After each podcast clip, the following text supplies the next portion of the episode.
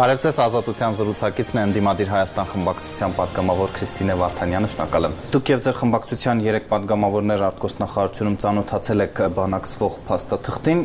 դա է պատճառը, որ պնդում եք, թե համանadrական փոփոխությունները կամ ավելի ճիշտ նոր սահմանադրությունը, ինչպես հայտարարեց Փաշինյանը, հենց այս համատեքստում են իսկապես 4 պատգամավորներով ծանոթացել ենք բանակցություններում քննարկվող, փոխանակվող առաջարկներին եւ դրանց կետերին, նաեւ դա է պատճառը, պատահական չի, որ հենց այդ 4-ով ենք տարածել հաղորդագրություն, ցույց տալու նաեւ կապը բանակցային գործընթացի եւ այս օթից իջած օրակարգի հետ, որը փաստորեն հիմա քննարկվում է Հայաստանի Հանրապետությունում։ Նիկոլ Փաշինյանը հայտարարեց ոչ թե համանդրական փոփոխությունների անհրաժեշտության մասին, այլ նոր սահմանադրության մասին, ավելի վաղ նկատնում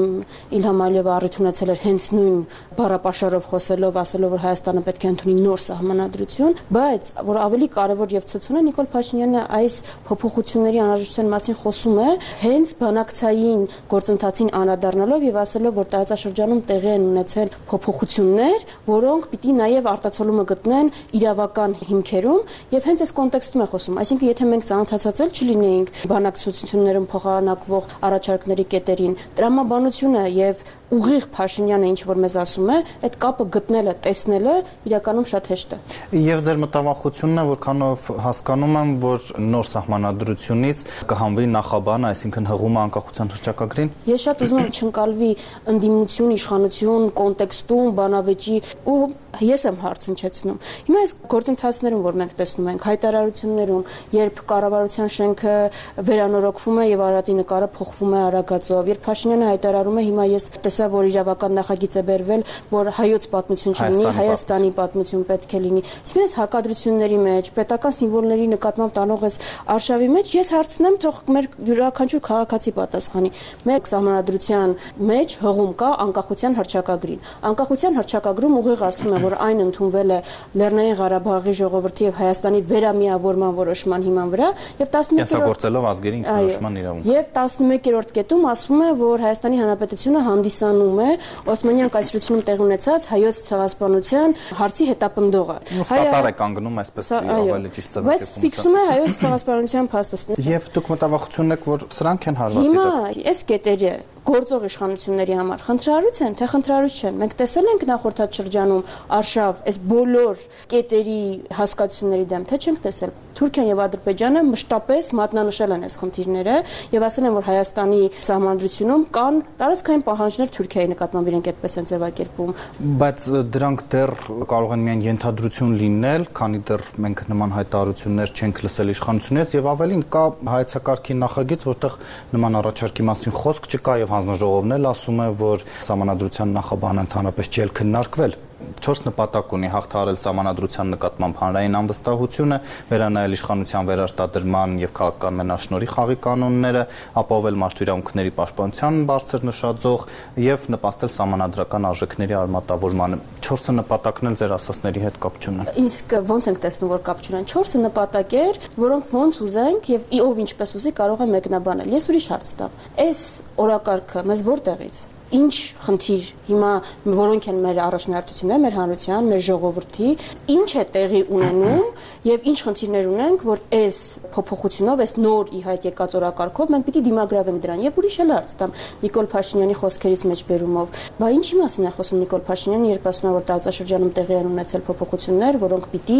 արտացոլվեն իրավական փաստաթղթերում։ Ասեմ, Լեռնային Ղարաբաղը Հայաստանը ճանաչել է Ադրբեջանի մաս, Լեռնային Ղարաբաղը մնացել է Ադրբեջանին արդեն փաստացի եւ հիմա մայր օրենքում նման հիշատակում անելը արդյոք վտանգավոր չի դառնում։ Փաստորեն ընդունեցինք, որ խոսում ենք հենց այն վտանգների մասին, հենց այն վտանգների մասին, որոնց մասին մենք ենք խոսում։ Այսինքն ուղիղ կապը տեսանք եւ փաստորեն մեզ դրա մասին ուղիղ են ասում։ Այսինքն գլոբալ այո միակ փոփոխությունը տարածաշրջանում եղել է Արցախի նկատմամբ Ադրբեջանի իրավազորության հաստատումը եւ փաստորեն դրա պատճառով մենք գնում ենք սահմանադրության փոփոխության։ Եթե մենք խոսենք սահմանադրության բարելավման մասին, կետերի բարեփոխման մասին, որևէ մեկը այնքան անտրամաբանական չէ, որ աղմուկ բարձրացնել կամ նման մտահոգություններ հնչեցնել, բայց մենք որևէ նման հիմք չունենալով, հանրային պահանջ չունենալով, փորձագիտական պահանջ չունենալով, ասում ենք, որ աշխարհակահաղական փոփոխություններ են տեղ ունեցել տարածաշրջանում եւ մենք նոր սահմանադրություն պիտի ընդունենք հարմարեցնելով Ոչ, որովհետև եթե ամեն աշխարհակ հակական փոփոխությունից հետո պետությունները իրենց հիմնարար փաստաթղթերը փոխեն, ո՞ր մի պետություն է այդպես արել։ Այո, մենք պարտություն ենք կրել, մենք չենք մերժում իրականությունը, մենք վերականգնվելու խնդիր ունենք, մենք անվտանգության խնդիր ունենք, բայց դրա հիմքը խնդիրների պատճառը մեր սահմանադրությունը չի։ Բայց եթե դու խաղաղության պայմանագիր ես կրնքում, ուրեմն ենթադրում է պիտի վերջ տնես խնդրահարույց բոլոր կետերին եւ ոչ թե ինչ որ տեղեր թողես, որոնք կարող են մշտական չկարգավորված հակամարտություն հարուցել։ Ինչ խաղաղության պայմանագրի մասն է, էլի խոսքը։ Ես ուզում եմ հասկանալ ինչու է պայմանագրի անունը խաղաղության պայմանագիր։ Մենք Հայաստանի Հանրապետության պաշտոնական գիծը ամբողջ 30 տարիների ընթացքում եղել է այն, այդ թվում նաեւ ՄԱԿ-ի անվտանգության խորհրդում ընդունված բանաձևերը արձանագրել են, որ Հայաստանը չէ, որ պատերազմի մեջ է Ադրբեջանի հետ, էլ հայկական տեղական ուժերին կոչ արել, որ դուրս գան տարածքներից։ Երբ է Հայաստանի Հանրապետությունը պաշտոնապես պատերազմի մեջ եղել Ադրբեջանի հետ, որ կնքվում է պայմանագիր կամ փաստաթուղթ, որը ունի խաղաղության պայմանագիր Դա կարծես աշխատանքային անվանումն է, եթե չեմ սխալվում, հարաբերությունների կարգով դուք եք ծանոթացել հարաբերությունների կարգավորման փաստաթուղթ։ Պնդում անեմ կոնկրետ խնդիր կունենամ, բայց ոչ, այդպես չի։ Հենց այդպիսի փաստաթուղթ էլ փաստորեն այդ վերտարությամբ անվանումով էլ ու փաստորեն ստացվում է, որ մենք ընդունում ենք, որ գտնվել ենք Ադրբեջանի հետ պատերազմի մեջ, դրանից բխող բոլոր հետևանքներով։ Հայ հանրության քանի տոկոսը գիտի, քանիսը գիտեն, որ Ադրբեջանը դիմել է միջազգային արբիտրաժային դատարան ռեպարացիաների հարցով։ Մենք ամեն օր տեսնում ենք հետևանքները վարվող բանակցությունների ու այստեղ բերել նոր օրակարգ, որ սահմանադրությունը պիտի փոխենք, անպայման խաղաղություն վերտարության փաստաթուղթ կնքենք, ես ասում եմ, որ այդ խնդիրներից որևէ մեկը չի լուծվելու։ Այո, հարաբերությունների կարգավորման մասին պետք է խոսվի, դրա մասին բանակցություններ պետք է ընթանան, բայց գիտեք, կլինի հումանիտար հարցերը սկզբից լուծվեն։ Կլինի մեր տարածքներից դուրս գան օկուպացված պաշտոնական տվյալները, որ ունենք, որ կարողանանք խոսել գոնե փոխադարձ բարի տրամադրվածության մասին։ Այսինքն Ադրբեջանը հրաժարվում է Հայաստանի օկուպացված տարածքներից դուրս գալ։ Մասունքներ մենք ունենք այդ տարածքներում, որ իմ արդեն չեզոք գոտի են դարձել։ Ծնողները տեսնում են ամեն օր Գեղարքունիքի շրջանում, որ ասում են իմ որդին այն սարի վրա է։ Մասունքներ չեն կարողանում հետ ստանալ։ Գերիների հարցեր ունենք, Ադրբեջանը ոչ մի քայլ հետ չի անում Մենք սահմանադրություն ենք փոխում, սա է խնդիրը։ Վարչապետը դրա համար ասում է երաշխիքները պետք է լինեն փոխադարձ։ Մենք էլ կտանք այդ երաշխիքները, Ադրբեջանն էլ կտա ամենայն պատասխանատվությամբ կարող եմ ասել, որ ծանոթանալով փաստաթղթի փոխանակվող առաջարկների կետերին ես որևէ երաշխիք այդտեղ չեմ տեսել, որը Հայաստանը ստանում է, ցավոք չեմ տեսել։ Ես չեմ տեսել որևէ գործուն մեխանիզմ, որով Հայաստանը կարողանում է ապահովել իր անվտանգությունը։ Այդ թվում եւ Հայաստանի տարածքային ամբողջականության ամրագրում։ Այդ թվում նաեւ Հայաստանի որևէ տեղ թիվ նշված չէ եւ Իլհամ Ալիևը երբեք թվերով չի արտաբերել, չի ընդունել 29800-ը ի տարբերություն Նիկոլ Փաշինյանը 3 անգամ ֆիքսել է Ադրբեջանի տարածքը։ Ալմաթայի հրճակագիրը այդ հիմքը չէ տարբեր կերպ կարող ենք մեկնաբանել Ադրբեջանը ամեն դեպքում այդպես չի մեկնաբանում դրա փոխարեն ելի եմ կրկնում 3 տեղ Նիկոլ Փաշինյանը ուղիղ թիմ է ֆիքսել Գրանադայում ստորագրել է փաստաթուղթ թվի ֆիքսացիայով այլևս դա չի արել հիմա այս պայմաններում անդադ զիջող կողմը մենք ենք։ Ճիշտ է, բայց Ալմաթայի հրճակագիրն ասում է, չէ, որ հետխորթային տարածքներով են պետությունները ճանաչում։ Որ քարտեզների տարածքներով է դե խնդիրը սահմանազատման եւ սահմանագծման 180 աստիճան մոտեցումների տարբերության խնդիրը դա է, որ թվականի քարտեզներով Ադրբեջանը հրաժարվում է քննարկել 75-76 թվականի գլխավոր շտաբի քարտեզները։ Ասում է այլ քարտեզներ էլ կան։ Հիմա Ալմաթյան որևէ կերպ չի ֆիքսում տարեթիվ ընդհանրապես արմատական պետությունների տարածքի քառակուսի կիլոմետրերի մասին չէ։ Հայկական կողմը բերել է բանակցային հիմք իբր քերը, բայց բոլորը իրականում զարմանքի մեջ են, թե դա ոնց է ուժեղացնում բանակցային։ Դուք վկայակոչեցիք անկախության հռչակագրի 11-րդ կետը եւս մտավախություն հայտնելով, որ դրանից էլ կհրաժարվեն, այն հիշեցնենք, ասում է, որ Հայաստանը սատար է կանգնում ցեղասպանության միջազգային ճանաչմանը, բայց մյուս կողմից Հայաստանը 30 տարվա մեջ երբեք նման պահանջ չի ունեցել Թուրքիայից բանակցային նախապայման այն երբեք չի եղել, հետեւաբար ասենք թե այս հղումը չեղավ սահմանադրությունը ինչ է փոխվելու։ Ընդհանրապես դա կարող է նպաստել հարաբերությունների կարգավորմանը։ Մենք նաև վարչական, քրեական օրենսգիր սոցիալ նախարարություն, այլ ինչու ենք սահմանադրության մեջ ամրագրում, որ Հայաստանը սոցիալական պետություն է։ Մենք ունենք դատաիրավական համակարգ, ինչու ենք ամրագրում, որ Հայաստանը ժողովրդավարական պետություն է։